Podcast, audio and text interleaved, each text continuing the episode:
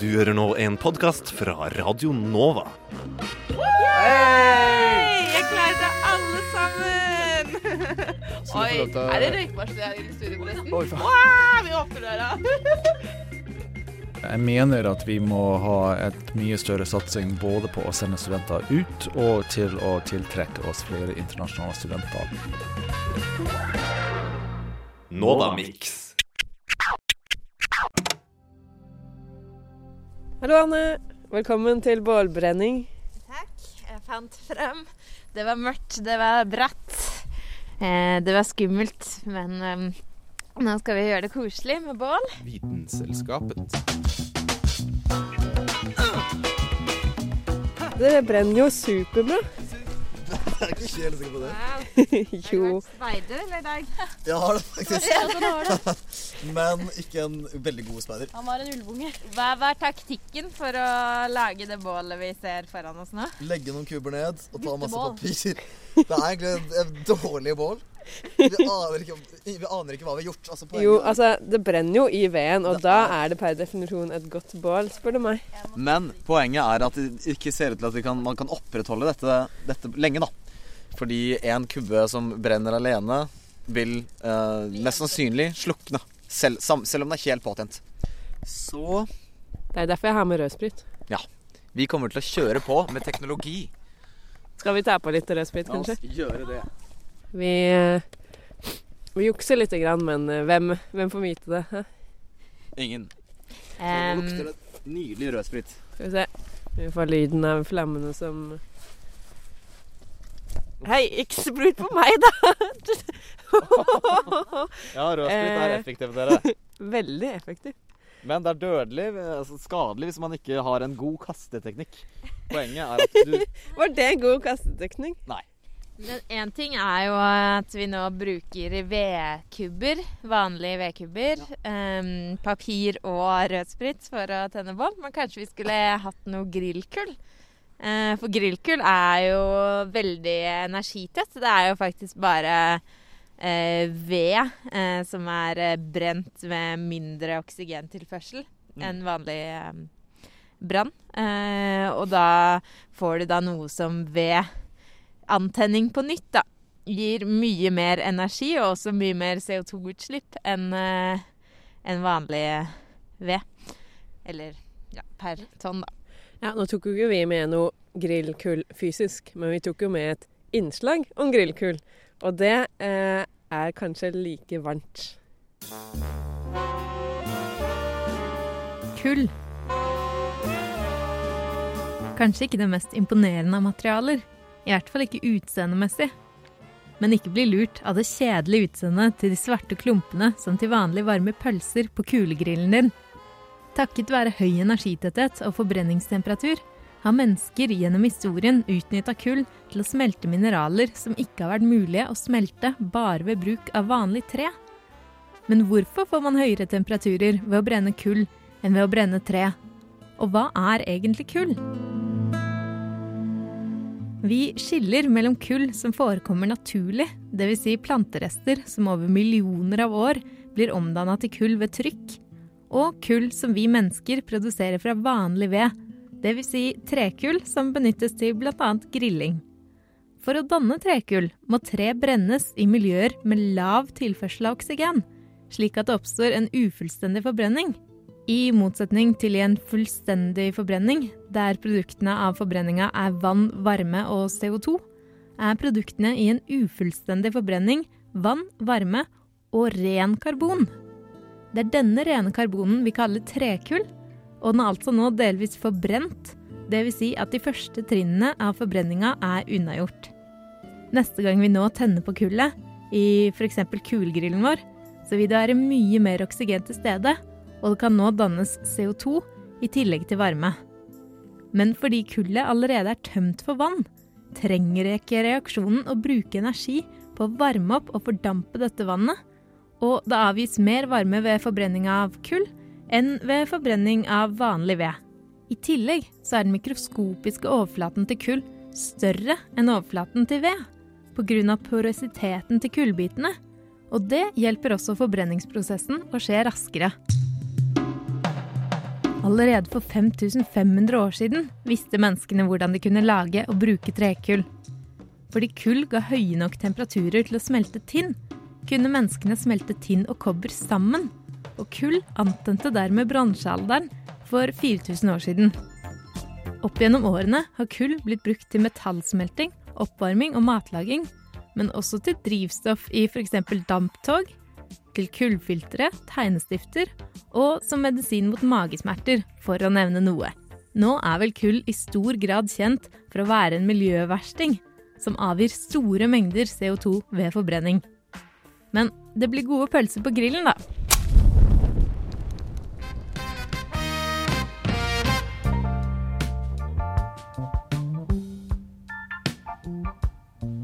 Radionova FM 99,3 DAB pluss og radionova.no. Radiotjenesten FM 99,3. Dessuten har vi mer larm i vente. For tjenestemann Veier Osvald, hva er greia? Ja, steampunk. Hva er egentlig greia? De neoviktorianske rakkerne har i alle fall irritert på seg flere av byens borgere, og jeg står her nå utenfor Norsk Steampunk-selskaps hovedhangout, Dampveivalsen mekaniske verksted langs Akerselva. Og med meg har jeg talsmannen for Facebook-gruppen Vi som vil ha de forbaskede punkerne ut av byen, og da snakker vi altså om steampunkerne, og ikke de som bl.a. holder til på Blitz. De har vi i grunnen ingenting imot. Ta Tarjei Klopp. Og Tarjei, hvorfor denne misnøyen mot en subkultur de aller fleste oppfatter som ganske fredelig? Fredelig? Det var ikke mye fredelig da en 14-åring i en antikk dykkerdrakt med dampdrevet exoskjelett fra 1800-tallet antastet min 12 år gamle datter på vei hjem fra bedehuset. Ja, det er jo overhodet ikke bra, men eh, Før han fulgte opp med å kjøre henne over med en enorm beltevogn, like stort som et fort, og med et mannskap på 30 matroser. Flat som en pannekake. Jeg forbanner dere steampunkere! Herregud, det er jo helt, det er helt fryktelig Eller, vent litt. Snakker du helt sant med meg nå? Tja, beltevognen kan ha vært en Ford Mondeo. Hva med datteren din, da? Ja, det var Røyskatten min, Linda. Røyskatten din, Linda. Dette var fryktelig pinlig. Kan ikke du klippe dette ut av reportasjen? Eh, Du vil gå live? vi. Pokker ta! Jeg hater livesendinger like mye som jeg hater steampunkere der de kommer rullende på sine tannhjulinger, kledd i klær fra en alternativ fortid hvor petroleumens potensial aldri ble oppdaget, og damp forble den primære kilden til energi. Du tror ikke du overdriver, da? Det er jo egentlig bare en subkultur bestående av sosialt utilpasse ungdommer som, som liker å kle seg ut fra tid til annen. Altså, strengt tatt så Gode gud, se bak deg! Ja, ja, ja. Skal du liksom løpe fra intervjuet mens jeg ikke ser på? For guds skyld, nei! Se bak deg! Det kommer inn rasende fart! Ja, Jøss, for en fart. Men, men hva, hva er det? Å, herregud, det kan ikke være sant. Det er, det er baron von Blys luftskip, og det styrer rett mot oss!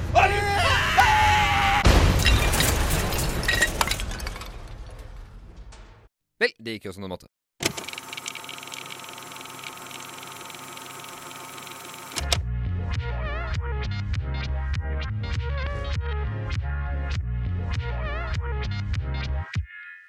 Du hører nå en podkast fra Radio Nova.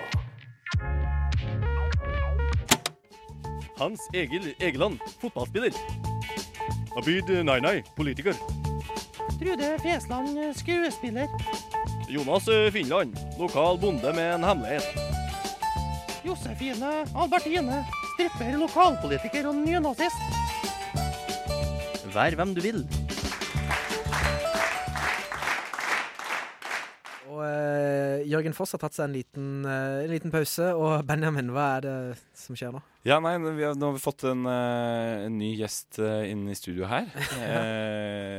som sitter og smiler borti kroken. Det er rare greier. Ja, si ja dette, er, dette, er, uvanlig. ja. hvem, hvem, er det vi har fått inn i rommet, egentlig? Oh. Oh.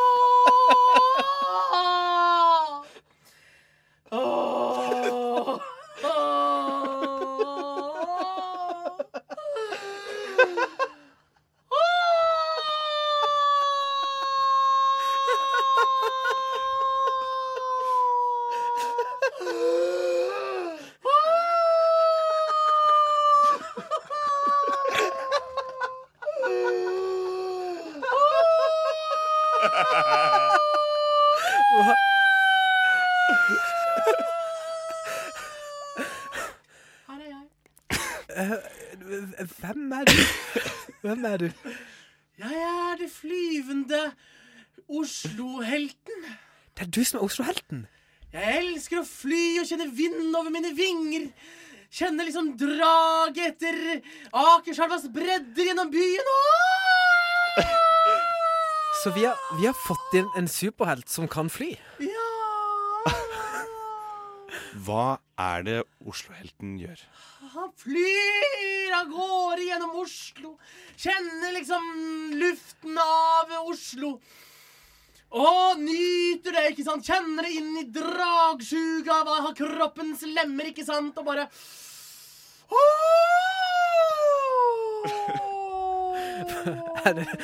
men, men, men som Mange superhelter redder jo folk fra trøbbel. De, eh, de stopper ting som er fælt i samfunnet. Gjør du Nei, noe nei, nei, nei, nei, nei, nei, nei, nei, nei, nei, nei, nei, nei, nei. Jeg sørger for at folk får være den de er. Eh, får lov til å la, lar alle få lov til å være den de er, ekstra mye.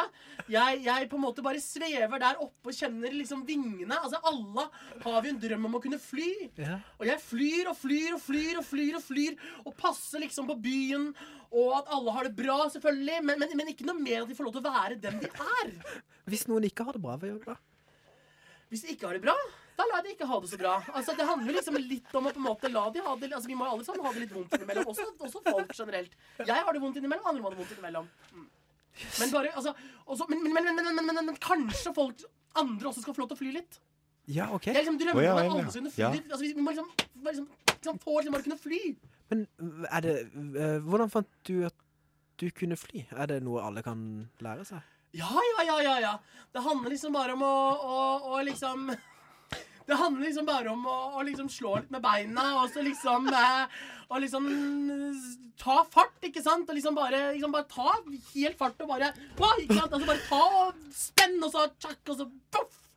Og så flyr man. Og så flyr man som har lage litt lyd da, ikke sant? underveis som man flyr. Så, så videre. Helt fantastisk. Vi, det, er, det er første gang jeg har sett en, eh, en person sveve inne i B-studio på Radio Nova. Ja, du er den aller første superhelten vi har på besøk. Det er du, faktisk. Uh, og så har vi fått noe så sjeldent som en superhelt som bare lar ting være. Ja, Har du det bra, så får du lov til å fortsette å ha det bra. Har du det vondt, så får du lov å fortsette å ha det vondt. Er det, men uh, er det på en måte det som er ditt mandat Eller er det, har noen på en måte gitt deg en eller annen eh, liste med oppgaver som følger med de evnene du har fått, eller har du kommet på ting litt av deg sjøl? Det er ingen, partipisk eller noen ting. ikke sant? Nei. Her er det liksom bare en sjæl. Og det er nettopp det som er så viktig. ikke sant? Å være seg sjøl, kjenne seg sjøl, liksom, ta på seg sjøl, klemme seg sjøl, smake på seg sjøl. Alle de tingene der er kjempeviktig. Og liksom ta altså, Identiteten. Vi skal styrke identiteten til den enkelte. Til meg selv, til deg selv. ikke sant? Du skal være Asbjørn ikke sant? i mye større grad. Du skal kjenne at du er Asbjørn på alle mulige måter. ikke sant? 100% Asbjørn. 100% Asbjørn. Og det er min oppgave. Å sørge for at du er enda litt mer Asbjørn. Det var så deilig. 110 Asbjørn. Vet du hva, jeg har aldri følt meg så, eh, så berørt oh. av en eh, superhelt før. En superhelt som bare gjør deg litt mer fornøyd med å ha det godt Ja. eller vondt. Ja, faktisk. Åh, det, er helt, det er helt utrolig. Du, eh, det er jo eh, det er jo noe helt spesielt å ha en, eh, en superhelt eh, i studio på denne måten, men Benjamin, vi har litt dårlig tid, egentlig. Ja, men vi må jo bare si tusen takk til super... eh, hva heter du? Sa jeg ikke det i stad? Bare sånn? Jo, jo. Nei. Eh, hva heter jeg? heter ehm, ehm, Nei! Jeg kommer ikke på noe. Jo, jeg heter Super... Supra... eh, eh, den flyvende sopran. Den, fly, den flyvende sopran. Tusen takk, Tusen takk for at du eh, til kunne deg, komme. den flyvende sopran, for at du kunne komme. Vi, vi eh, Ja, herre, dette her eh, ble nesten litt satt ut. Men eh, vi kan ikke bli satt ut for lenge, for nå skal vi, eh, nå skal vi veldig snart ringe Ringe vår egen, vår egen PC. Skal vi høre The Babies en, en gang til? Dette, dette er The Babies og Moonlight Mile. Hva er du driver med, Asbjørn? Nova. Nova. Nova. Nova Mix.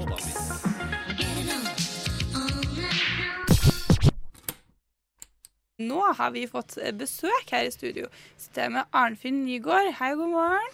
God morgen, Gyrid, og gratulerer med dagen. Ja. Både til deg og til, Og til til, til Skumma kultur, og det er jo rene party her. Er rene party. Ikke noe party hardt, da, men vi har sjokolade. Så det er litt hyggelig.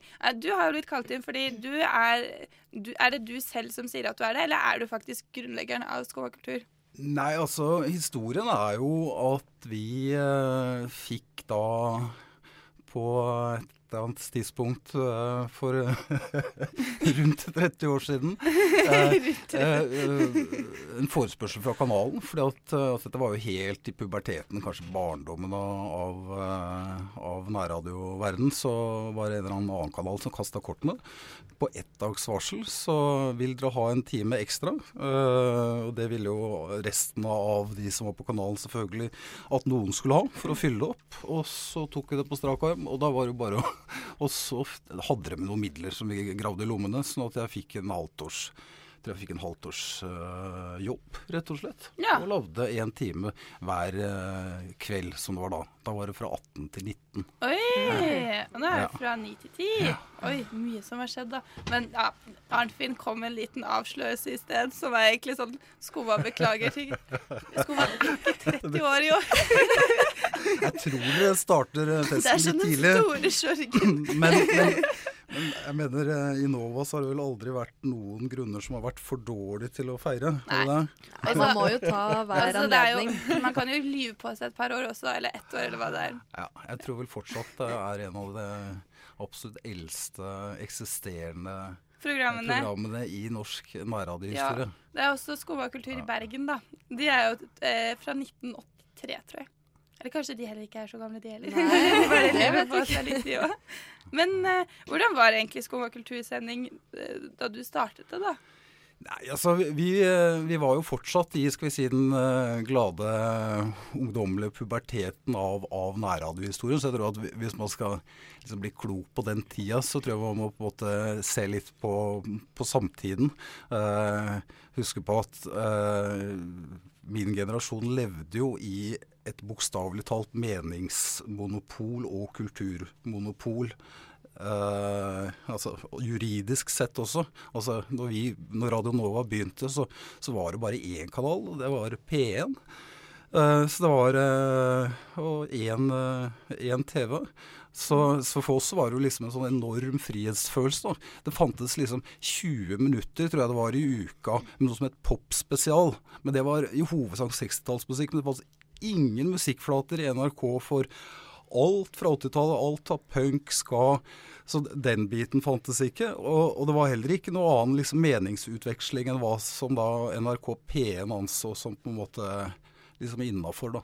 Så så vi var en gjeng glade amatører. eh, eh, og feilet og bommet sannsynligvis mer enn dere når vi Og mye vi slapp unna med. Ja. Eh, men eh, eh, samtidig så var jo Det blei jo skapt masse nyskapende, og jeg, jeg tror også ikke minst NRK lærte utrolig mye av, av, av det som skjedde på nærradiofronten. Ja. Det er veldig spennende, da, at det er liksom så stor Eller er det liksom Har du hørt noe på skomakultur nå? I det siste? Jeg må jo innrømme, da, for jeg, i likhet med veldig mange eks-radiolovere, så har vi jo blitt journalister, og jeg har blitt nyhetsjournalist, Uh, at jeg er litt avhengig av uh, For jeg har jo da blitt ikke bare nyhetsjournalist, men avhopper, da. Jeg har jo havna i NRK, i likhet med sikkert tre-fire dusin andre uh, radiolovere opp gjennom historien. Uh, så jeg må, jeg må i hovedsak høre på øh, min egen kanal, men, uh, men øh, sånn umiddelbart, men det må jo dere rette meg på, så fornemmer jeg jo litt sånn samme ånden som på en måte et eller annet udefinerbart som, som henger i veggene, selv om dere for så vidt har flyttet sted, og så er det jo liksom uh, jeg, kjenner, jeg, jeg, jeg kjenner geisten ligger her ennå. Skumma kultur. På Radio Nova. Oh la la la la Nova. Det er jo rart å høre den derre vignetten da, som du selv har laget for, for 30 Ja. 30 år siden. For det er du For- som har laget Vår kjenning? Ja. Ja. eh, jeg tror faktisk eh, at man kan bli dømt etter copyright-loven øh, for den. Hæ, at vi kan det? Oi, oi, oi.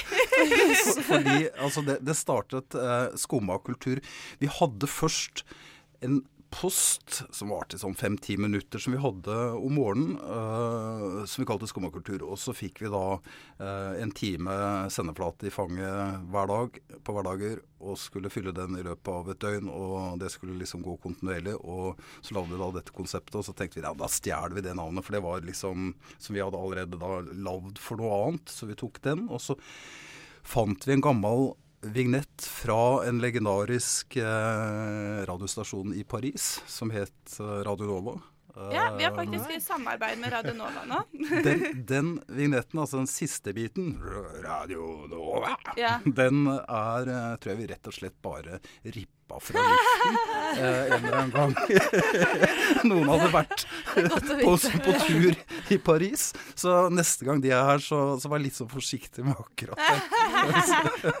Nå skulle, skulle ikke forundre meg om at de har pælma den lenge før eh, ja, vi har den planer. der- men Nå er den vel snart uh, beskyttet av eh, ja, Byantikvaren, Riksantikvaren. Men uh, Radio Nova her har jo nå fått et samarbeidsprosjekt med Radio Nova i Paris, da. Så da er man nok eh, gode nok venner til å komme av. Nova-jinglen. Altså, hvis det ikke er noen som sier det, så er det ikke noen som trenger å reagere på det. Men Arnfinn, har du noen sånn ordentlig god historie fra din tid i Skumma? Er det liksom noe spesielt som har skjedd i de veggene? da? Fordi da holdt du ikke Radio Nova til her. Det var bomberom på Kjelsås? Nei, altså vi, vi holdt til på et bomberom på studentbyen på Blindern. Blindern, ja. uh, så ikke lyset i det hele tatt.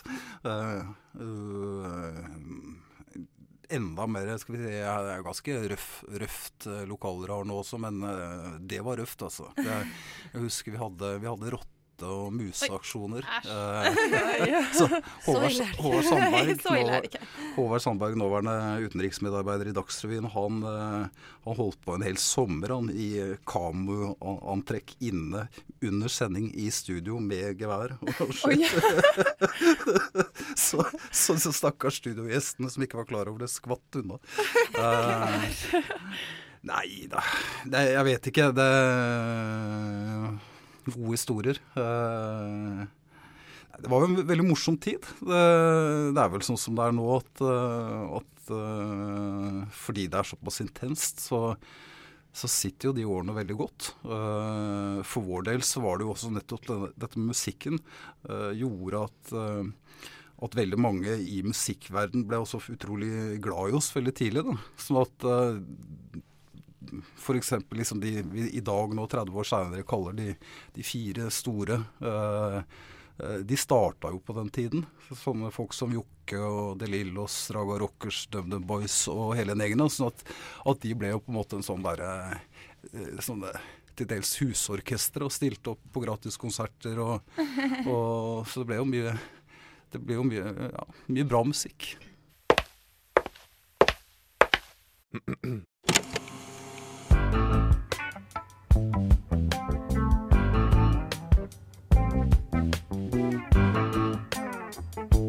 You're listening to Radio Nova.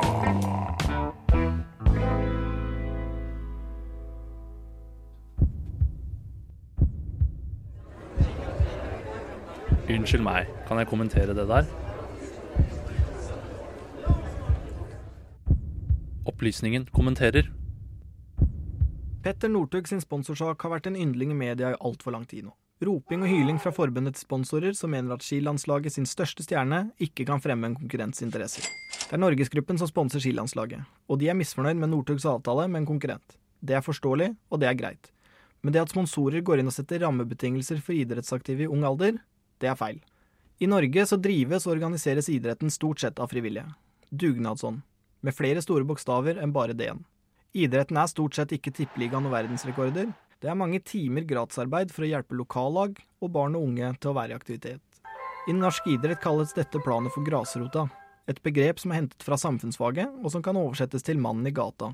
Ønsket for å holde idretten i gang i Norge er sterkt. Enten det er foreldre som ønsker å trene sin Martin til å bli en Ødegård, eller om han brenner for lokalsamfunnet, så har frivilligheten og det enorme arbeidet som kreves, alltid vært på plass. Sponsing har som regel eksistert side om side med frivilligheten. Årsaken er at bedrifter bidrar til idretten for å gi noe til lokalsamfunnet. Det er ikke så rart at når Pers frisør bidrar til Gutter 7 sitt draktsett, så vil han ha logoen sin på draktene. Dette er helt greit. Men det ville vært en konflikt hvis Pers frisør ville nekte å sponse laget fordi en av de syv år gamle guttene klipte seg på tango. Den vanligste har i alle år vært at denne sponsingen har ligget til rette uten noe særlig motkrav. Dette virker til å være i ferd med å endre seg. Denne forandringen virket å være akseptert. Et eksempel på dette problemet kan vi se da et norsk oppdrettsselskap gikk inn og sponset et canadisk fotballag for jenter på 14 år. På dette nært sagt tilfeldig utvalgte laget spilte det en jente som hadde tydelige problemer med oppdrettsnæringen. Den 14 år gamle jenta med mer enn oppdrettsbein i nesa lagde en Facebook-side mot sponsingen av laget hennes. Fotballagets styre krevde at den 14 år gamle spilleren stengte protestsiden hvis hun fortsatt skulle spille fotball for klubben. Den gigantiske bedriften som sponset det lille idrettslaget, mente at hvis hun ikke kunne akseptere at laget spilte med logoen på brystet, kunne hun alltid finne et annet lag. Klubben fikk her en stor sponsor som ønsket å synliggjøre seg på alle stedene de drev oppdrett. Av hovedstyrets vurdering av verdien til denne sponsoren, så ble jenta gitt munnkurv. Dette er ikke greit. Det er feil at store bedrifter skal være med å diktere idrettsaktiviteten til barn. Andre eksempler på denne dikteringen er unge skiskyttere som har blitt truet med diskvalifikasjon fordi de ikke har klistra den nye hovedsponsorens logo på børsa. Jeg mener at sponsoren skal gi mer til idretten enn det idretten skal gi til sponsorene. Dette er særlig viktig for barna og for mannen i gata. Ukens kommentar var signert Herman Borgstrøm.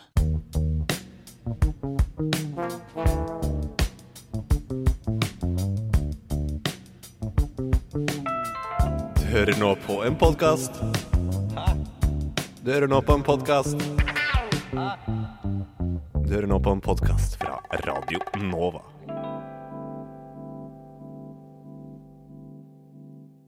Rektor ved Høgskolen i Oslo og Akershus, Kurt Rice, skrev en kommentar som ble publisert på nyhetsstedet og bloggen Huffington Post. Why International Students Should Not Come to Norway het artikkelen som har duket for både debatt og misforståelser. Med oss i studio i dag så har vi Kurt Rice. Velkommen til deg. Takk skal du ha. Eh, I et avsnitt i artikkelen så skriver du om det du kaller for lokale og globale grunner for at Norge burde tiltrekke seg utenlandske studenter. Eh, kan du fortelle litt mer om hva du mener med det? Eh, jo, det kan jeg gjerne gjøre. Jeg mener at vi må ha et mye større satsing både på å sende studenter ut og til å tiltrekke oss flere internasjonale studenter. Og når vi tiltrekker oss flere internasjonale studenter, så, så gjør vi noe som påvirker utdannings- og undervisningsmiljøene på en veldig positiv måte. Men på en måte som vi ikke bestandig ser. Vi legger opp til eh, at flere kulturer møtes på klasserommet. Vi legger opp til at vi får inn studenter som er vant med å gjøre ting på en annen måte. Og vi legger opp til at vi kan eh, få integrert oss med de som kommer til oss. Så vi kan egentlig si at teksten hovedsakelig handler om, om ditt ønske om at Norge burde bli bedre på integrering, eh, og samtidig oppfordrer sam samarbeid på tvers av eh, nasjonene. Jeg, jeg, konstaterer at du har faktisk lest teksten, og det setter jeg veldig stor pris på. Det er klart det. det er ikke alle som har gjort, som likevel stiller spørsmål ved det. Men da er du enig i det? At det er ja? Ja. Det, ja. Så bra. Eh, du har jo ikke forsket på emnet, men du har jo egne erfaringer fra bl.a. å ha jobbet tett med, med utvekslingsstudenter. Mener du at nordmenn er eh, dårlige på, på integrasjon? Integrere? Ikke mer enn andre. Det mener jeg ikke. Men det er veldig Når vi er hjemme, når vi er i vårt eget land, så er det fort gjort å glemme å i det hele tatt registrere at det er folk som har kommet utenfra, som er med oss. Vi tenker at integrasjon er noe som dem som kommer til oss må gjøre, men vi må også integrere oss med dem, sier jeg. Mm. Har du noen konkrete ideer for hvordan nordmenn kan bli bedre da på å integrere? Jeg syns at um, i klasseromsammenheng så kunne man anerkjenne mer tilstedeværelsen av internasjonale studenter engasjere dem i diskusjoner om hva slags rutiner og praksiser de er vant med på klasserommet. Spør norske studenter om de kunne tenke seg å prøve ting på en litt annen måte. et veldig konkret eksempel er at norske studenter snakker forholdsvis lite i undervisningssammenheng sammenlignet med andre studenter, og enhver norsk student som har hatt et semester i USA, vil skjønne godt hva jeg snakker om her.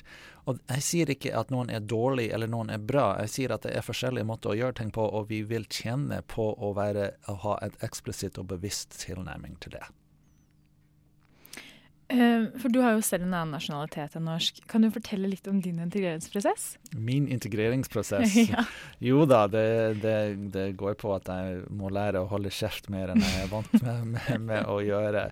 Det er mye, det, det er så veldig mye. Alt fra måten en samtale kjøres på. Altså, altså Nordmenn er da litt mer tilbakeholdne noen ganger, og det betyr at det kan være lange pauser i samtaler der man egentlig ikke har tenkt at den andre skal begynne å snakke. Det må man lære seg.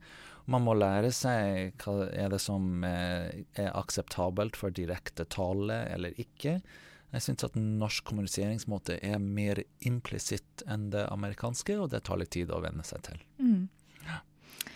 Eh, For i, I teksten din så snakker du litt om både institusjonell integrering egentlig, og, og sosial integrering. Eh, Syns du Oslo og Tromsø, som jo du har bodd i og jobbet mye i, er ulike, ulike der?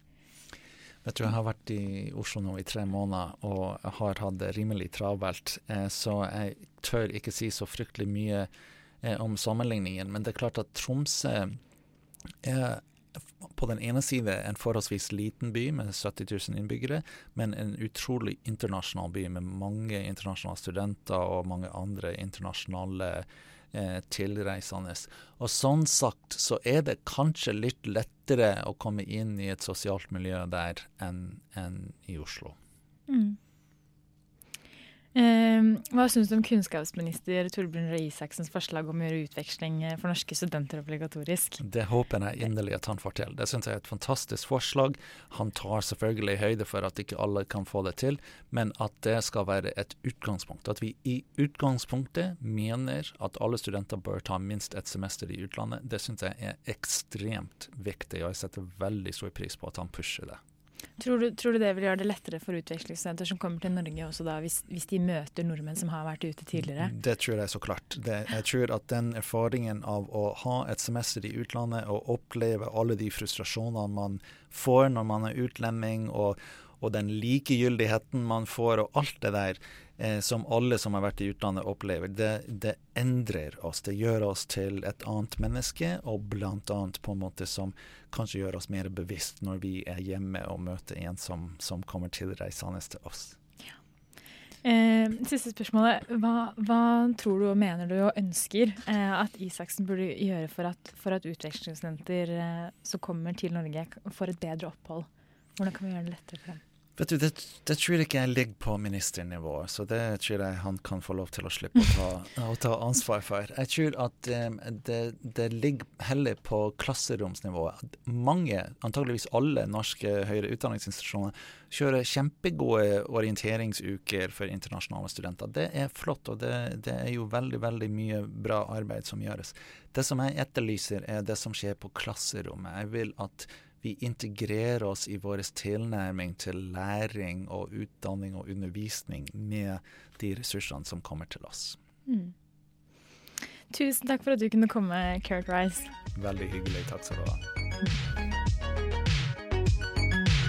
Nova Mix.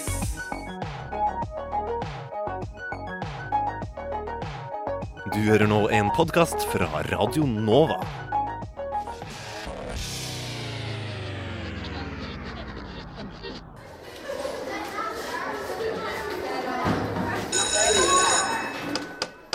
OK, OK. Ro dere ned. Jeg må starte timen her med først et opprop. Ada. Her. Hans Petter. Her.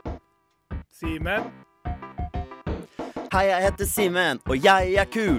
I min nye jakke, som er gul. Mange på skolen syns jeg er gøy og snill. Men når jeg drikker Red Bull, blir jeg hyper og vill. Øystein. Peter. Jeg heter Peter, er skolens største beast. Jeg knuser alle guttene i Pokémon. Jeg liker å leke med alle sammen, selv de som ikke har hender. Marius. Martin. Anne. Hei, teacher, jeg er her. Klassens på med kule klær. Jeg spiller håndball og heter Anne. Nestemann heter ikke det samme. Jeg liker å prate, vi kan prate vi to. Nikke på chatten min er Anne understrek håndballjenta 92. Lene. Gagandip. Patrick. Jeg heter Hotdog, og jeg hater skole. Jeg elsker pizza og skyter med pistoler. Jeg elsker fest og prat med folk, med mindre du jobber i billettkontroll. Hotdog! Siri. Emil. Hei, jeg heter Emil, men kall meg Kikken. Og jeg er kul. Jeg er på skolen. ja, og når jeg, når, jeg er når jeg er på skolen, så sitter jeg på en stol. Yeah. Hei, alle sammen, og velkommen til eh, Bank i skallen. eh, Radio Novas nye ungdomsprogram. Yeah! Ungdom! Eh, for eh, Kids.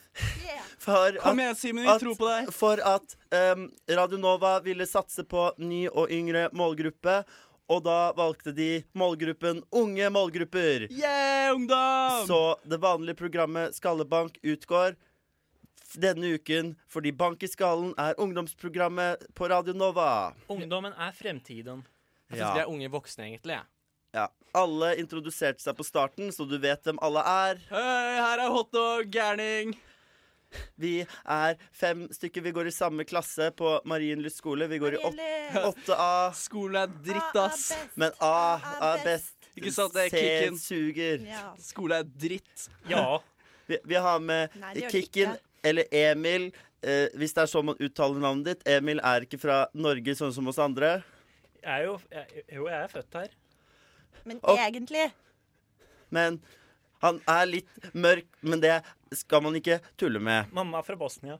Um, Nettopp. hvis eh, Så eh, vi- jeg, jeg er født i Oslo. Ja. På slutten av sendingen skal Patrick, eller Hotdog som han kaller seg, sykle på bakhjulet gjennom studio.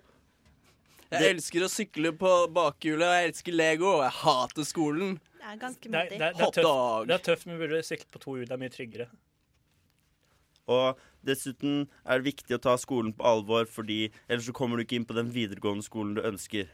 Hvem er det som trenger videregående skole, egentlig? Jeg kan jobbe i, i, i snekkerlæra, jeg. Er det det pappaen din gjør? Ja, han er snekker. Ja, men noen vil kanskje bli noe mer, sånn som mine foreldre, som er rådgivere. Anne, du skal alltid være en nerd og prate om hva foreldrene gjør, men det bryr ikke hotdog seg om. Nei. Det, det er, hotdog er, er, Siden vi er så gode venner, så vil jeg bare si at snekkeryrket kan eh, ødelegge fingrene dine. Jeg vil bare informere om det. Jeg vet du er bekymra for meg, Kikken. Vi er bestevenner, tross alt. Takk. Ja, og jeg er blitt valgt som programleder. Jeg heter Simen um, fordi um, de ga den som var elevrådsleder på Marienlyst skole, denne rollen. Um, og jeg på en måte vil si at uh, til alle på Marienlyst som hører på Wey, A-klassen! ehm, dere må forberede dere til tentamen. Bortsett fra til André, som er skikkelig tulling, ass. Mobbing er ikke noe kult, og uh, det, det syns jeg ikke vi skal drive med her. Ja, men Simen han skjønner at det er kødd, liksom. André går i klassen. Han har en sykdom som gjør at han ser litt sånn rar ut i ansiktet.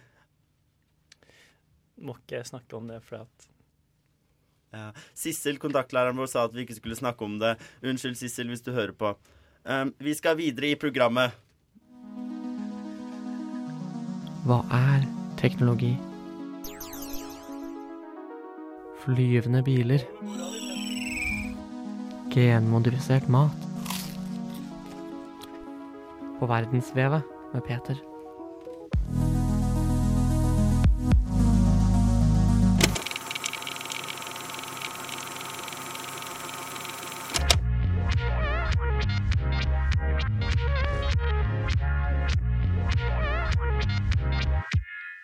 Du hører nå en podkast fra Radio Nova. Hallo, mitt navn er Knut Nærum, og du hører på tekstbehandlingsprogrammet. Jeg går i hvert fall ut fra at du gjør det. Nå skal vi snakke med Kenneth Moe, eller Kenneth Moe, som har Hva blir det? Kenneth Moe. Kenneth Moe. Ehm, som har debutert med boken uh, 'Rastløs'. Uh, hva handler uh, 'Rastløs' om? Jo, den handler om ulykkelig forelskelse, først og fremst. Men jeg vil si den handler om depresjon på en veldig generell måte i tillegg.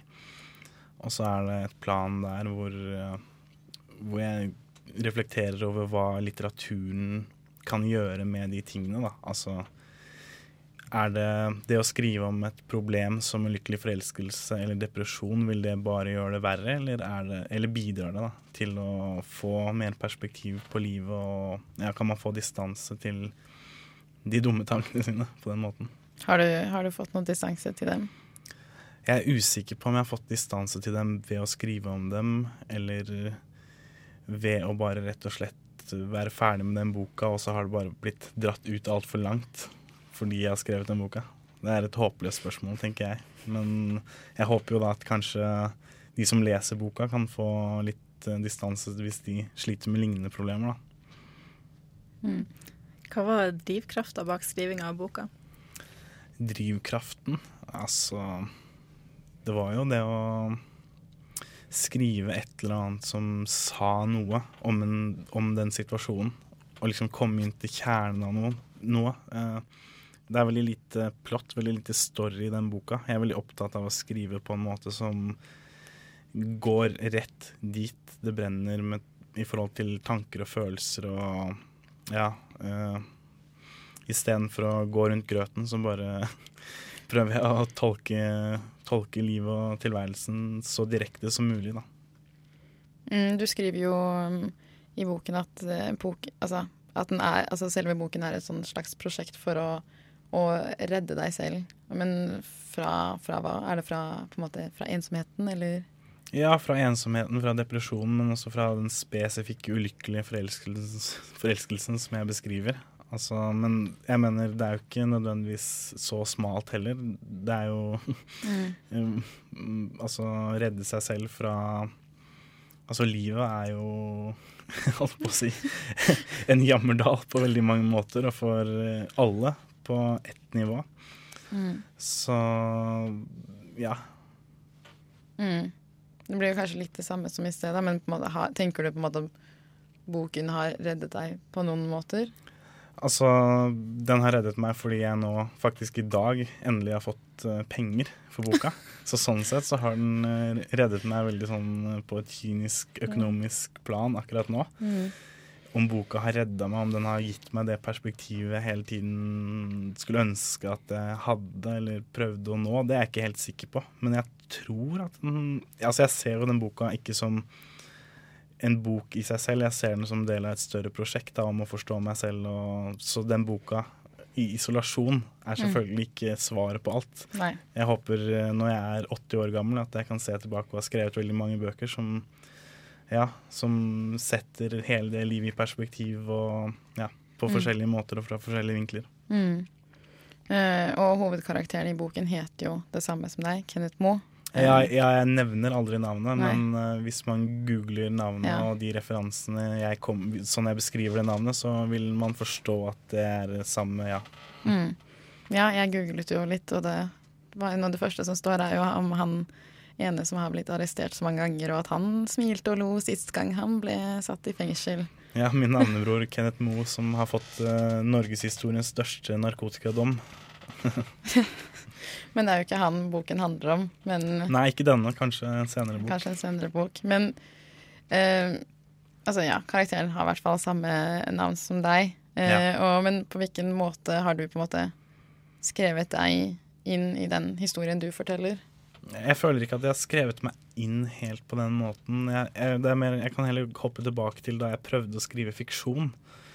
Og så ble jeg utsatt for den der, eller jeg, kom, jeg opplevde den her eh, ulykkelige forelskelsen som jeg beskriver i boka, og jeg klarte ikke å fortsette med det fiktive prosjektet. Nei. Alt jeg klarte, var å skrive sånne korte skjerp deg-setninger som liksom Hvordan skal jeg deale med det her? Mm. Og det var da jeg innså at eh, nei, bare gi faen i det der eh, fiksjonsprosjektet og bare prøv å gjøre det her. Mm. Jeg har, så jeg har ikke skrevet meg selv inn i det så mye som at det var meg hele tiden. Ja. Jeg leste et sted at du fikk ideen til boka. Da var ei en kvinne der som spurte deg om du skrev om henne, og at du svarte ja. Eh, vet du hva hun syns om boka? Ja, altså Den relasjonen er mye mer komplisert enn jeg beskriver den i boka. I boka er veldig bevisst en bitter og sint bok på mange måter. Mens den virkelige, virkelige relasjonen er, ja, den er mer kompleks, og den er mer eh, Det er mye mer forståelse mellom oss. Vi har hatt mye mer kommunikasjon enn det som fremgår av boka. Hun har lest boka. Eh, hun skriver selv, så hun ville aldri funnet på å nekte meg å gi ut noe. Det er bare sånn moral mellom forfattere, nesten. Men jeg tror også hun liker den oppriktig. Og, men ja, utover det så vil jeg ikke snakke så mye om henne, da, fordi jeg er redd for å bare slippe opp og komme med en eller annen eh, identifiserende detalj. Fordi jeg er ikke interessert i å utlevere henne, og det er ikke viktig for boka i det hele tatt. Nei.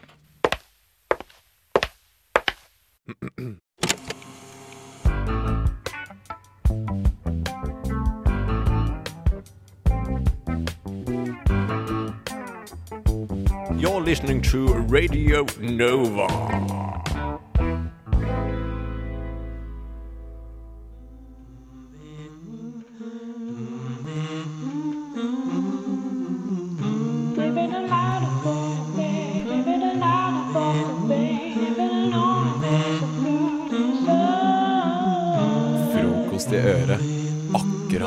Liker det. Og frokost på Radio Nova. Og Oi, herregud, det var merkelig tonenedfall. På Radio Nova! Nei, sorry. Ja, trengte ikke å henge meg opp i det. Du må slutte med kaffe, Ingrid.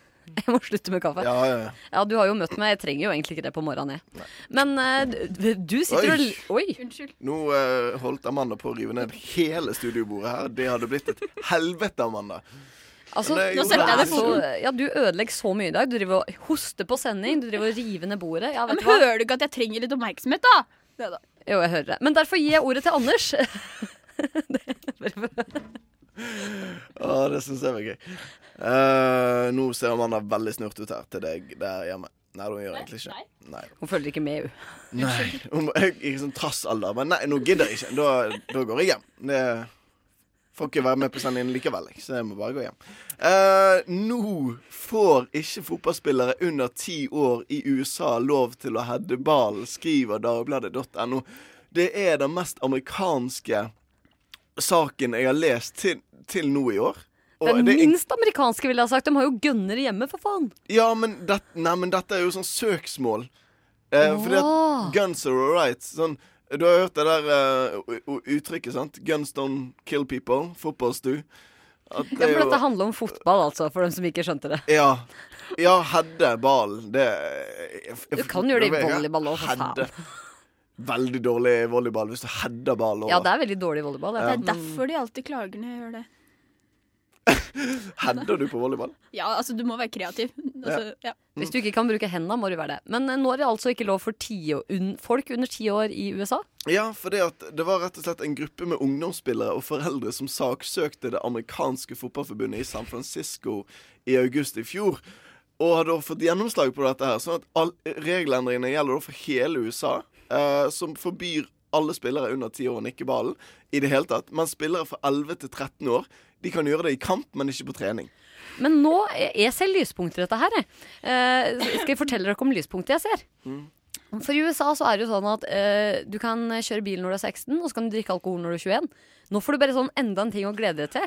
For at, sånn er det jo når du er oppe i 20-åra. Det er sånn ah, hvor, Hvorfor skal jeg glede meg til bursdag? Det er ikke sånn at jeg plutselig kan begynne å kjøre bil eller drikke alkohol. Men nå får du enda en ting! Når du er 10 år, ja, da kan du begynne å heade ballen. Og så Ja. når du blir 13 år, da kan du heade ballen når du vil. Liksom. Å, shit. Å, tenk det friheten, da. Men jeg, ja, for jeg, jeg lurer på Det er én ting jeg sitter og lurer på. Det er liksom Hvordan blir cornere seende ut nå? I, liksom Når de er under ti år. Altså blir det sånn, de, For de kan legge inn og sånt når de er ti år. De er relativt gode i fotball og begynner å bli det. Blir sånn at de må liksom Den med høyeste brystkassen eller et eller annet sånt må liksom inn, Eller rygg, eller hva liksom Hvordan Ja, fordi at du som har greie på fotball, vet at hver gang det er corner, så sparker noen inn, og så må noen heade. Det resulterer som regel i en heading, altså. Men eh, Altså, ja, Det er jo litt urettferdig, da, fordi kidsa er jo ganske lave allerede, så den ballen kommer jo til å være over hodet deres uansett. De har flere sjanser til å heade ballen enn en voksen fotballspiller. Skjønner du hva jeg mener? Ja. Ja. ja, for hvis ballen bare spretter bitte litt opp av bakken, så Oi, nå kan vi Nei, det kan vi ikke. Men kanskje de da lærer seg å bli enda mer kreative og finne på andre måter å få ballen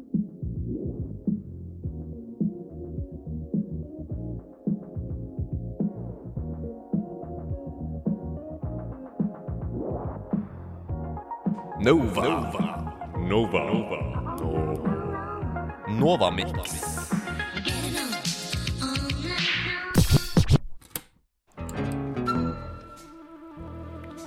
Kvinnesaken. På Radio Nova.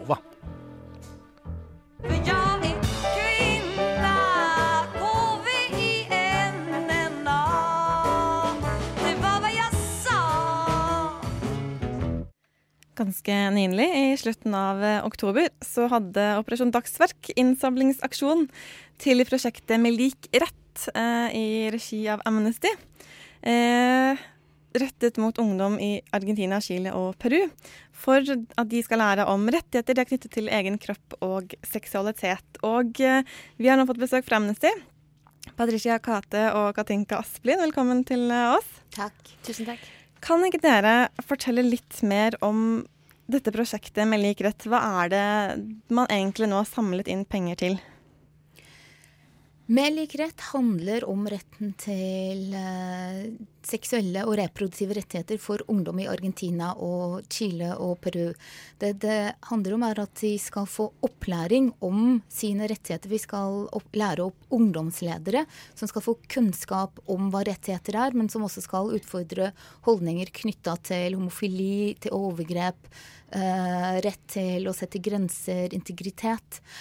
Disse ungdomsledere skal lære opp andre ungdommer, og eh, så skal ungdommene på en måte lære opp flere og flere, sånn at ungdom får kunnskap.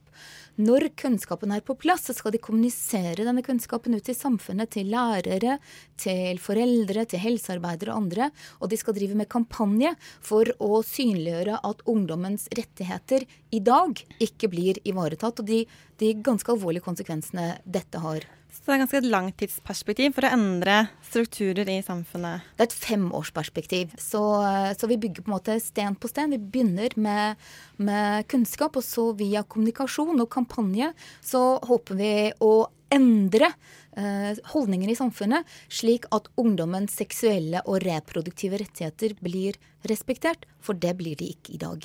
Vil du forklare litt hva disse rettighetene innebærer? Hva er seksuelle og reproduktive rettigheter?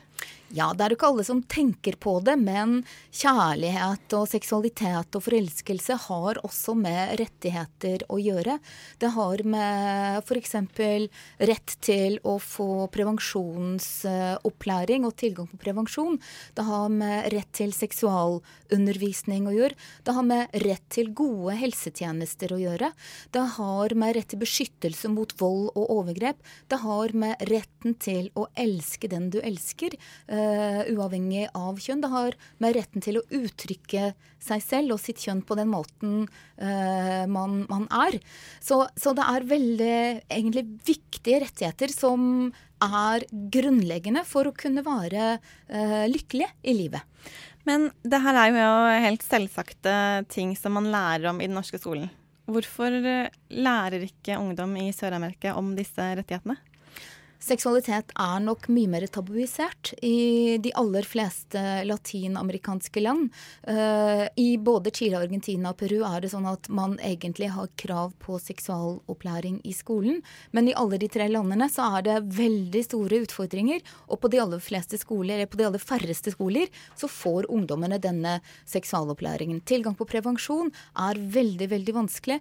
Uh, tilgangen til, til uh, fortrolighet i i møte med helsevesenet er også ikke-eksisterende. Så ungdommens foreldre blir kontaktet dersom de f.eks. Eh, kontakter helsesøster eller lege for å få tak i prevensjonsmidler. Og det er jo veldig ugreit.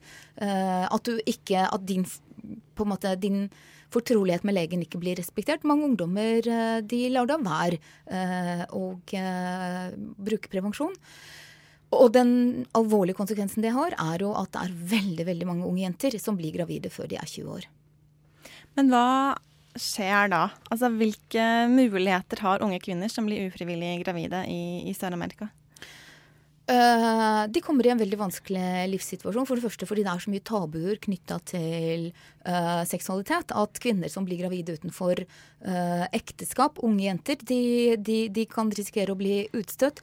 Vi vet jo f.eks. at 85% av de unge jentene som blir gravide før de fyller 20, de slutter på skolen. Ganske mange slutter på skolen fordi de blir kastet ut uh, av skolen. For, fordi de da uh, blir betraktet som et dårlig eksempel for uh, andre jenter. Så én av seks jenter i Argentina og Peru, én av åtte jenter i eh, Chile blir gravid før de fyller 20 år. Så en ung jente uten utdanning, uten på en måte sosiale støtteordninger, eh, utstøtt av eh, lokalsamfunnet med en far som noen ganger er der og noen ganger ikke, eh, havner jo i fattigdom. Og det er jo det som er det store problemet.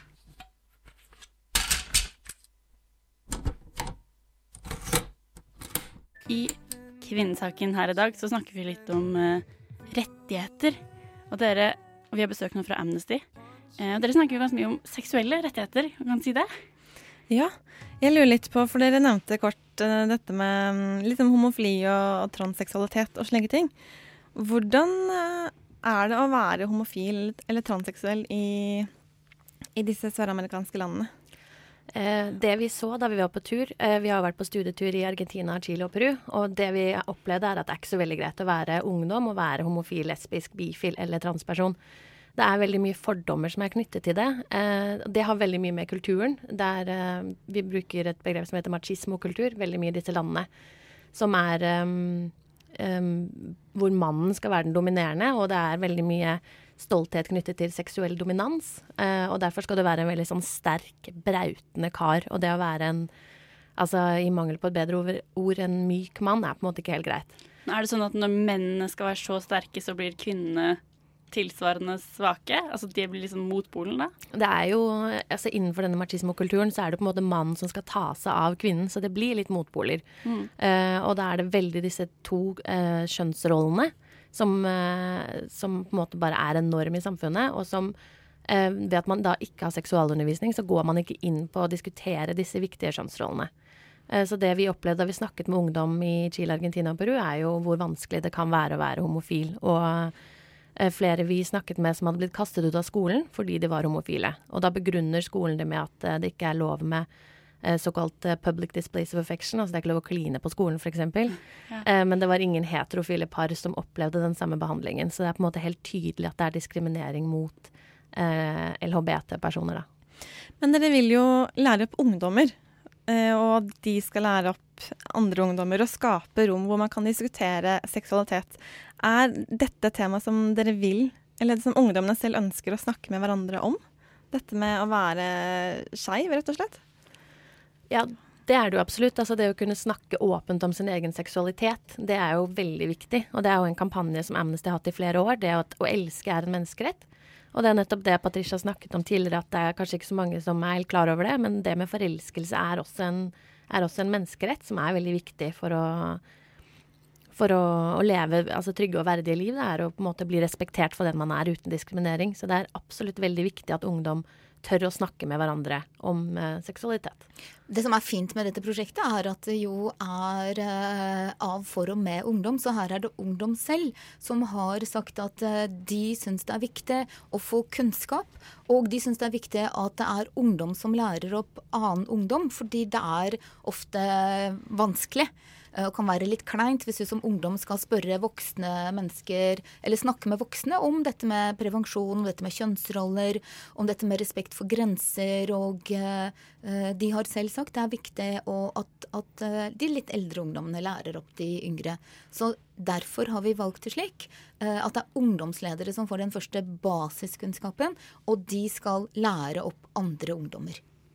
Jeg vil bare helt sånn kort komme inn på For Dagens Næringsliv hadde en eh, reportasje tidligere i år om vold, særlig mot unge barn, eh, seksuell vold. Hvordan er det mye seksuell vold også i Argentina, Chile og Peru mot unge kvinner?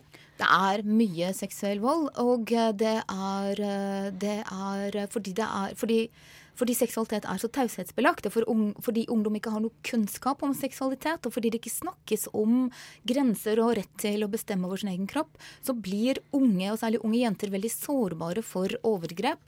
Eh, tall fra Peru er eh, det er 35 000 jenter og kvinner som blir gravide etter å ha vært utsatt for voldtekt eller incest hvert eneste år. Uh, og vi fikk ikke på en måte samme statistikk fra de andre landene, men det er ikke grunn til å tro at, at overgrepene er lavere i, i Argentina og Chile. Så det, så det henger sammen. Det å ha kunnskap er også viktig for å kunne forebygge vold og overgrep. Så dette er et fantastisk prosjekt. Vi er så glad for at Operasjon Dagsverk eh, valgte Amnesty og Amnestys prosjekt for seksuelle og reproduktive rettigheter til ungdom i Chile, Argentina og Peru. Tusen takk for at dere kom i studio, Patricia Kate og Katinka Asplin fra Amnesty.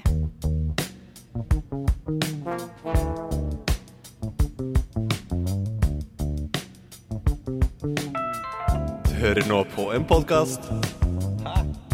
Du hører nå på en podkast.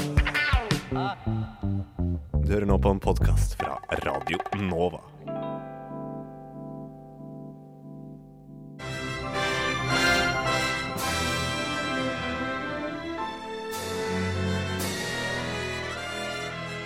Ukens kinopremierer.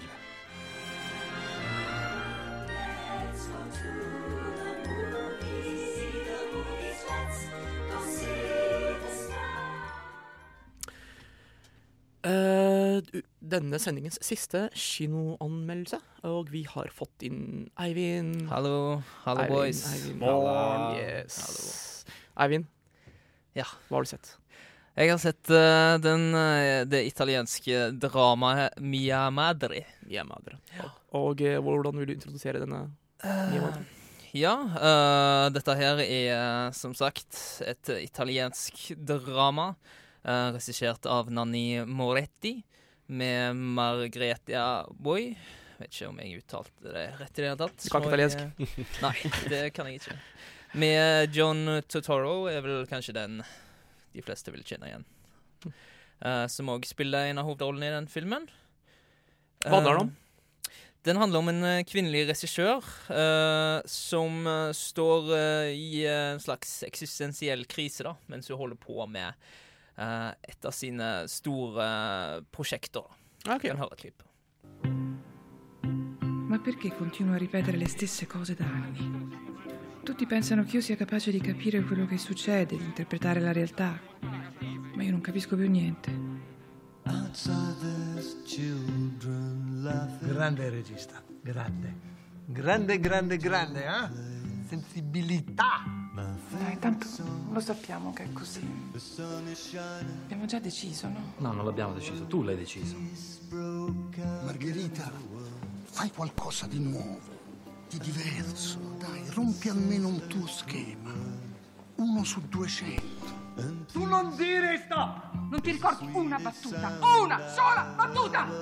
Sei stanca? Eh, sì. Capisco che sta attraversando un periodo complicato, anzi, se ne ha bisogno non si deve preoccupare, l'azienda le può dare ancora qualche mese di aspettativa. Sì, ma non serve perché ho deciso e insomma non cambio idea. Jeg kan ikke italiensk, jeg heller. Men, eh, Nei. og det er så passende at det er en italiensk film, fordi jeg pratet med Gangsterdrama tidligere i dag. Og ja. Ja, ja. så det vært sånn Italia og sånn. Ja, det er ikke så mye mafiaaktige saker her, da. Nei, dessverre. Eh, Men dramatikk er det vel? Dramatikk er det. Eh, det er òg en del eh, humor, da. Eh, sånn som når vi hører her John Tutaro kjenner igjen stemmen hans bare på italiensk. da Mm. Han står og skriker og uh, Det var han, overent, seg. han overentusiastiske. Ja, han overentusiastiske. Um, uh, men jo, den heter jo Mia Madre, så den har jo Handlingen går jo mye ut på at hovedkarakteren, uh, Mar Margheta har sin mor ligger for døden, da. Og så ser du liksom eh, forholdet mellom eh, fiksjon og eh, realitet, da. For en regissør sitt arbeid hvordan det blir prega av hennes eh, personlige liv, da. Eh, og eh, John Tutoro kom jo inn som egentlig en amerikansk skuespiller da, med italiensk bakgrunn, noe som han er òg i virkeligheten. Som egentlig er en litt sånn talentløs, brøytende fyr da, som kommer inn i den filmen hennes og eh, glemmer replikker og uh, Italiensken hans er ganske rusten, og uh, han liksom klarer ikke å ta noe selvkritikk og sånne ting. da, Så det er ganske morsomt, uh, Mm. hans karakter. da. Og hun blir mer og mer frustrert, liksom. Det virker veldig postmodernistisk.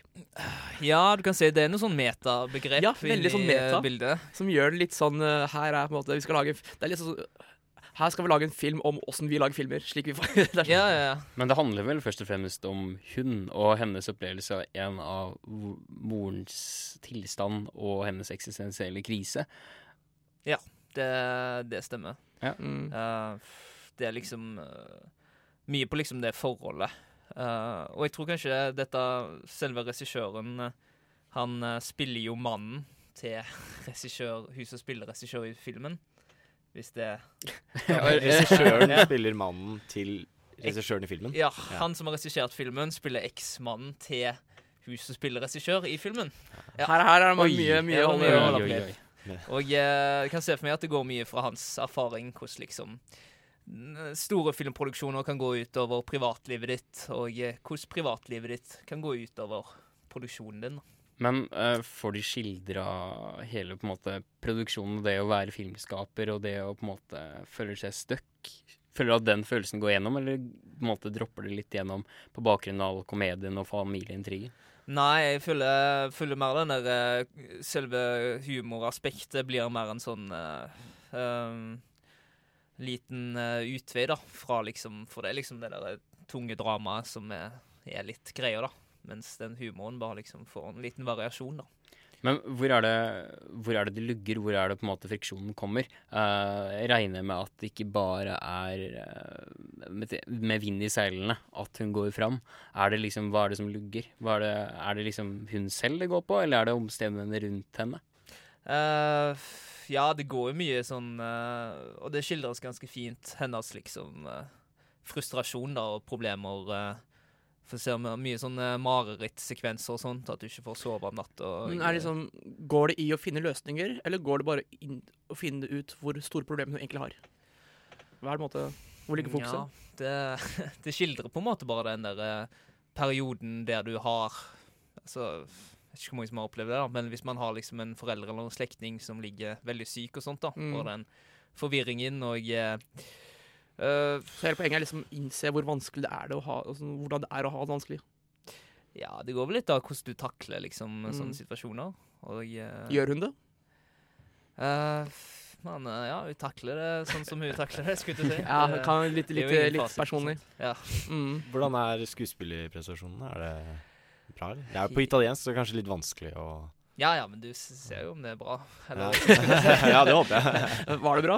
Ja, var det ja, jeg syns, uh, syns hun uh, hoved, uh, hoveddama her, skulle jeg si, hun heter jo Mark, eh, Marketa i Ja. virkeligheten òg, så klart. Så klart. Eh, hun gjør en veldig sår og fin prestasjon, altså. Eh, John Tutoro òg passer jo veldig fint i den, den der uh, greia si der. Hvordan vil du oppsummere hele anmeldelsen din? Eh, jeg syns det er en interessant film. Den har mange lag, og uh, inneholder både veldig seriøse temaer og uh, lettligere humor. Mm. Så jeg syns det var en uh, fin opplevelse. Det var, ble kanskje Koselig litt lang, langdratt av og til, Mm. men Nei, jeg kjører på med en sju av ti. Sju av ti? Mm. Burde jeg se den på kino, da? Ja, ja. på. Ja, jeg, kanskje det.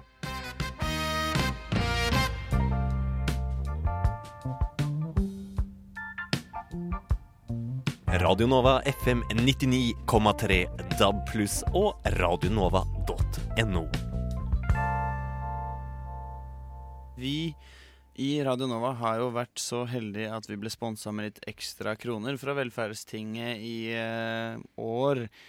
Og av den grunn så har vi fått råd til å sende en fast nyhetsreporter ut i eh, vårt eminente nyhets- og veitrafikkshelikopter. Og vi kan jo ta og høre med Karsten hvordan det står til i trafikken rundt omkring i Oslo i dag. Skal vi bare se om vi får tak i han her. Karsten, kan du høre meg?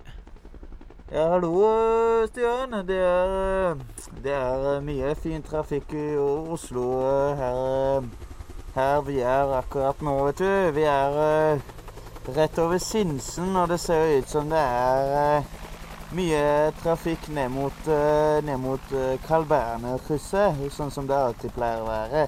Der står det jo antageligvis bare fordi det er det er dårlig med lyskryss nedover mot denne såkalte rundkjøringen, som egentlig er firkanta.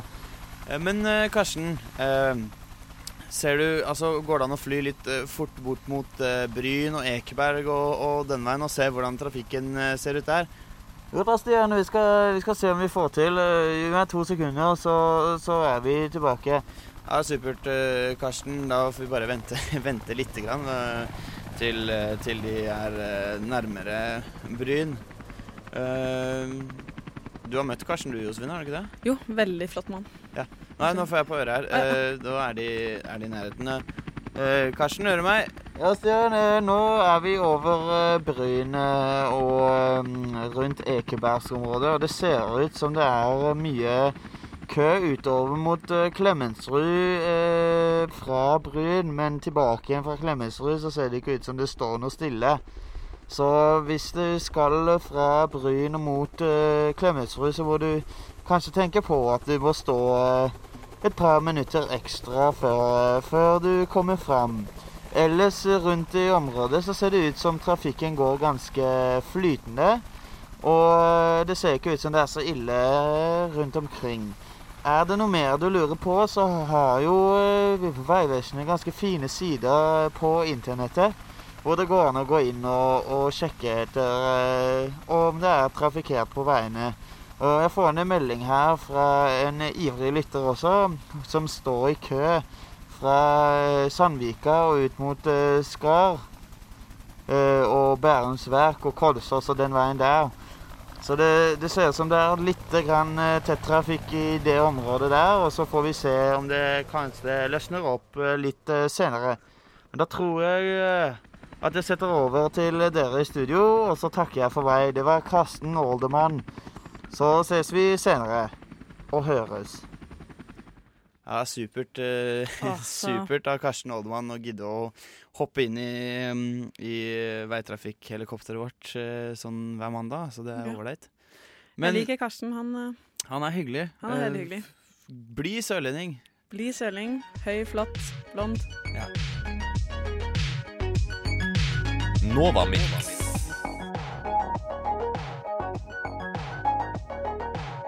Du hører nå en podkast fra Radio Nova.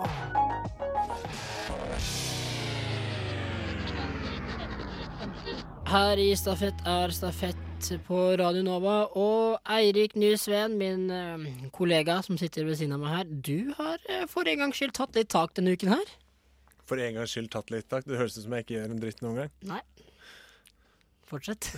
Vi bare lar den ligge der, ja. Ja, altså, som en, eh, som en eh, Jeg har jo vært med en stund, så jeg har jo vært med på både oppturer og Nei, jeg har vært med på Det gikk opp med det norske landslaget for meg, og det har gått ned. Så eh, jeg har tatt et dypdykk i historien til det norske landslaget. Året var 1993. Norges landslag var med på den største oppturen noensinne. Etter den tidligere U23-landslagssjefen Egil Olsen hadde tatt over herrelandslaget i 1990, hadde vært en gigantisk opptur. England var allerede slått på hjemmebane, men 13.10.1993 ventet Polen. Norge kunne sikre avansement.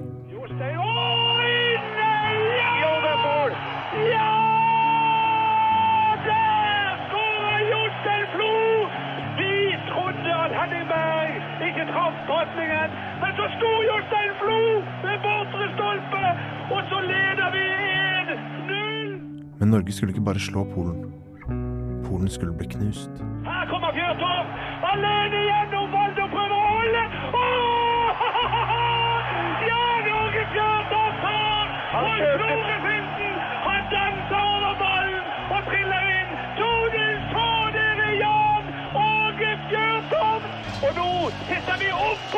Frihetsgudinnen! Vi sitter på Frihetsgudinnen og ser ned på det amerikanske kontinent! Og selvfølgelig kvalifiserte vi oss. Som gruppevinnere foran Nederland og England. England kom ikke engang til mesterskapet.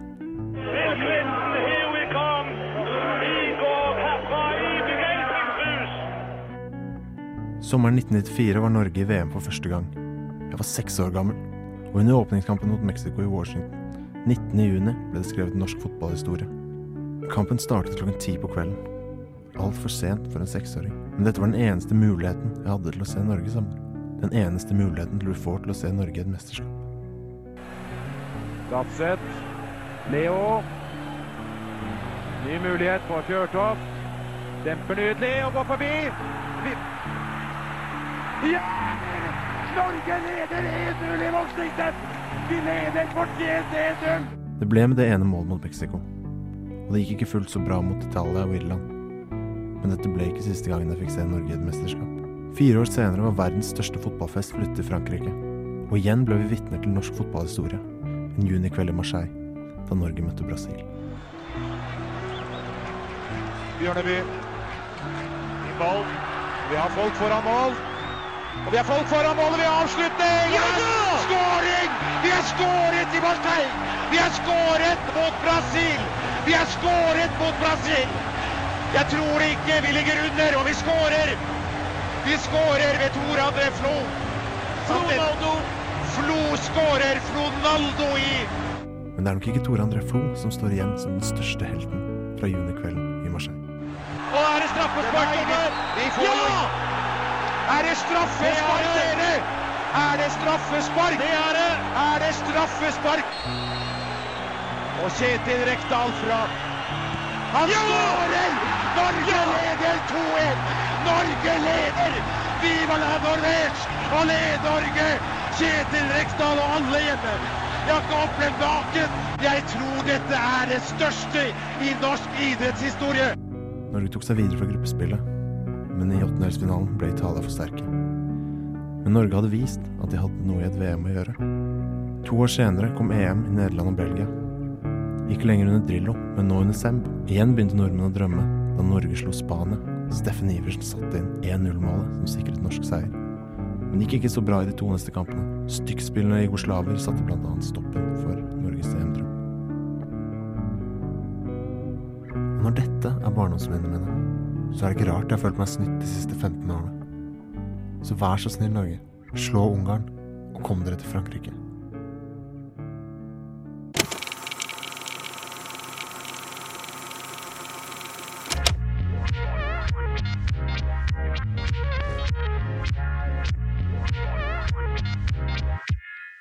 Du hører nå en podkast fra Radio Nova. We've been talking about pirates versus ninjas today on Snakkerik and We ran through some scenarios earlier about who would win between a pirate and a ninja. Um, I proposed to you, Dan, what would happen if there was a group of pirates that ninjas had to take on? How how would this be approached by by a, a ninja? If it was only a ninja, I see no reason why he would have to take a whole group of pirates. I mean, they usually did assassinations and stuff like that. But if you really must know, maybe he would just wait for them in the woods to single handedly kill them. Ah, so cull the group one by one, trailing behind. Yeah, he wouldn't go there in in the middle of the campfire and challenge them. But you know, ninjas did travel in groups sometimes, so So that's an interesting idea. A group of pirates versus a crew of pirates versus a gang of ninjas. ah, come on, there's not much debate about that. We know who would win. I guess it depends on how open the territory is. Because if they're fighting below the decks of a ship, of course the pirates would have the advantage in any kind of close quarters situation. Pirates are used to living in close quarters, so they're able to maneuver and fight in a way that uh, uses that to their advantage. You're really not gonna give up, are you? Not at all. in an open field, I will concede that ninjas might have more of an advantage with their, you know, large sweeping movements from their martial arts styles. What if they just throw some explosive at them in the close quarters? See, the pirates could do that too, so you would end up with a situation where both sides are lobbing grenades at each other, and uh, um, yeah. But a ninja could single handedly fight a pirate. He could disarm him and kill him. I really don't want to concede defeat here, but um, from what you've talked about, I think ninjas probably were better trained. I will give them that. They had better training. Their equipment, I would say, sounds about equal. But what ninjas don't have is that uh, that same fighting spirit that the pirates have. What? Because they're always drunk on grog? They're always drunk on grog and they're always poor as hell and they're always trying to get more money. And um, I think money and drunkenness can be very strong motivators for people to fight with everything they have. The only thing they're gonna get from ninjas is a can of whoop ass.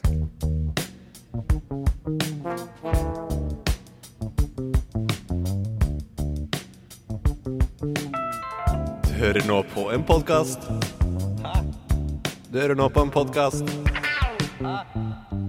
Du hører nå på en podkast fra Radio Nova.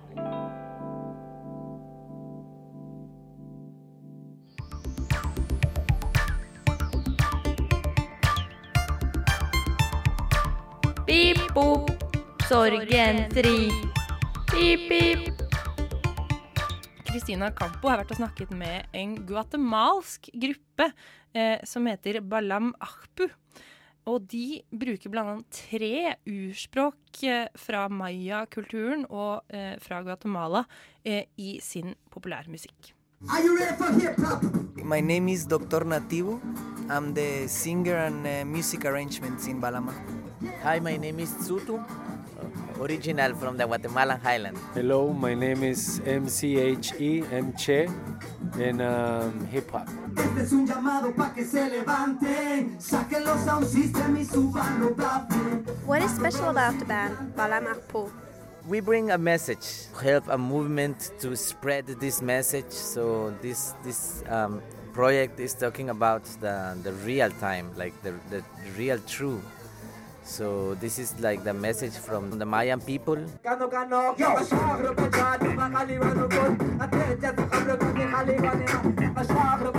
Words Balam Ahpu is uh, Balam is Jawar and Ahpu is warrior. So he's the Jawar warrior. Yeah. Nice. yeah. And uh, did you guys know each other before, or how did you um, find out that we want to make a, a band together?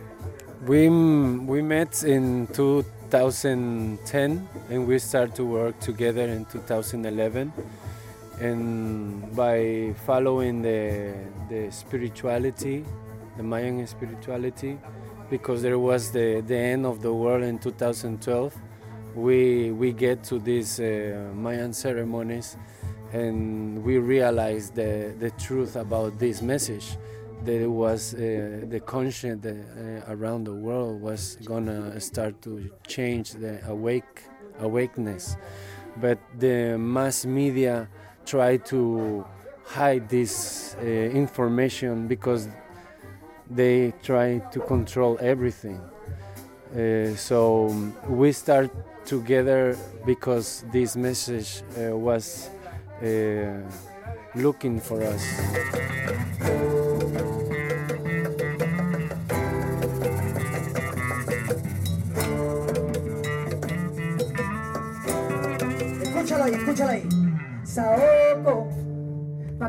baile el coco. Sandunga, pa' que reviente la cumbia, cumbia, cumbia. ¡Vámonos!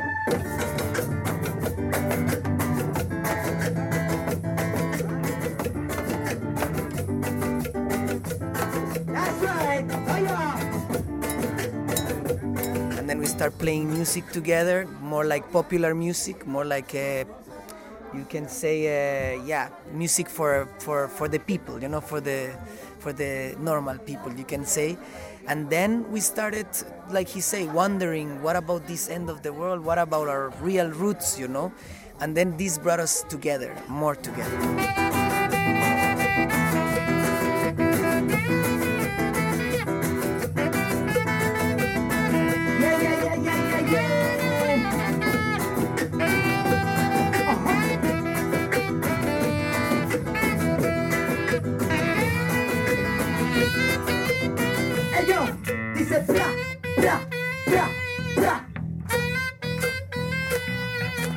What kind of native language are you singing in? We use three different languages, um, which is uh, Tsutuhil, Kakchike, Kakchikel, and Quiche.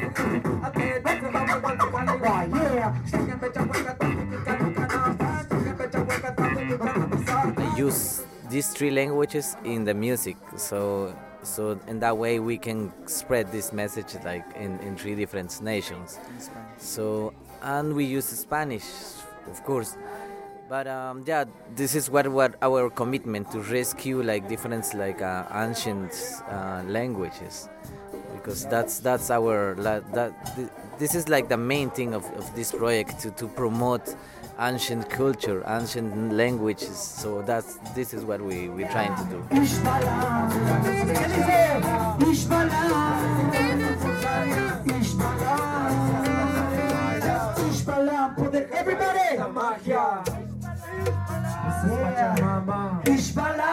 Very different of everything you have hear about uh, because it have classic uh, instrument and also the the pre-Hispanic languages and and the hip hop rhythms.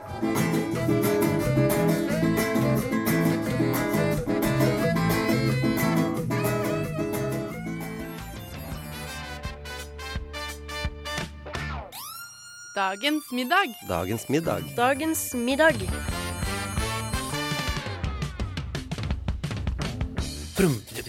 Dagens middag, alle sammen. Dagens middag? Er Ja. det er takeaway. Ferdig arbeid. Skummakultur er det altså du hører på, og det er litt uh, spent stemning i studio nå, fordi vi har fått inn uh, levende lys uh, på bursdagskaka vår, og vi har fått inn et ekte bursdagsband også. Jiri Friis Helland, gratulerer med dagen. Tusen takk. Eh, du skal få lov til å Blåse blåse ut ut, kaka. eh, kakelysene. Ok, Jeg kan holde den ned, fordi nå driver Kristine og skal ta bilde av meg samtidig. Og det, men ok, Skal jeg blåse nå? En, to, tre. Hey! Jeg klarer det, alle sammen! Oi, er det røykvarsel her i studio, forresten? Oi. Wow, vi åpner døra. Oi, det har vi ikke. Og det var aircondition. Oi! Oi, trykk på knappen. Ok, eh, nå Hvis dere får litt bakgrunnsstøy, så er dette her eh, Det er i hvert fall sprinkleranlegg her inne. Så vi Et resultat av høy røykutvikling fra kaka. Oi. Kanskje, kanskje vi kunne Er det mulig å få Eh, oi, nå blir jeg aldri sånn. Nei, men du kan Oi, oi, ops, så slo jeg mikrofonen også. Ja. Ja, ja. Eh, vi må få sånn. uh, sømt oss. Eh, Kristine Hybert eh, står og eh, virker febrilsk eh, over uh, så det er, ikke, det er ingen fare, men uh, Altså, det har brenner ikke her inne hvis du plutselig hører sånn uling. Det er bare litt sånn røyk fra bursdagskake. Eh. Radio Nova FM 99,3 DAB pluss og nett.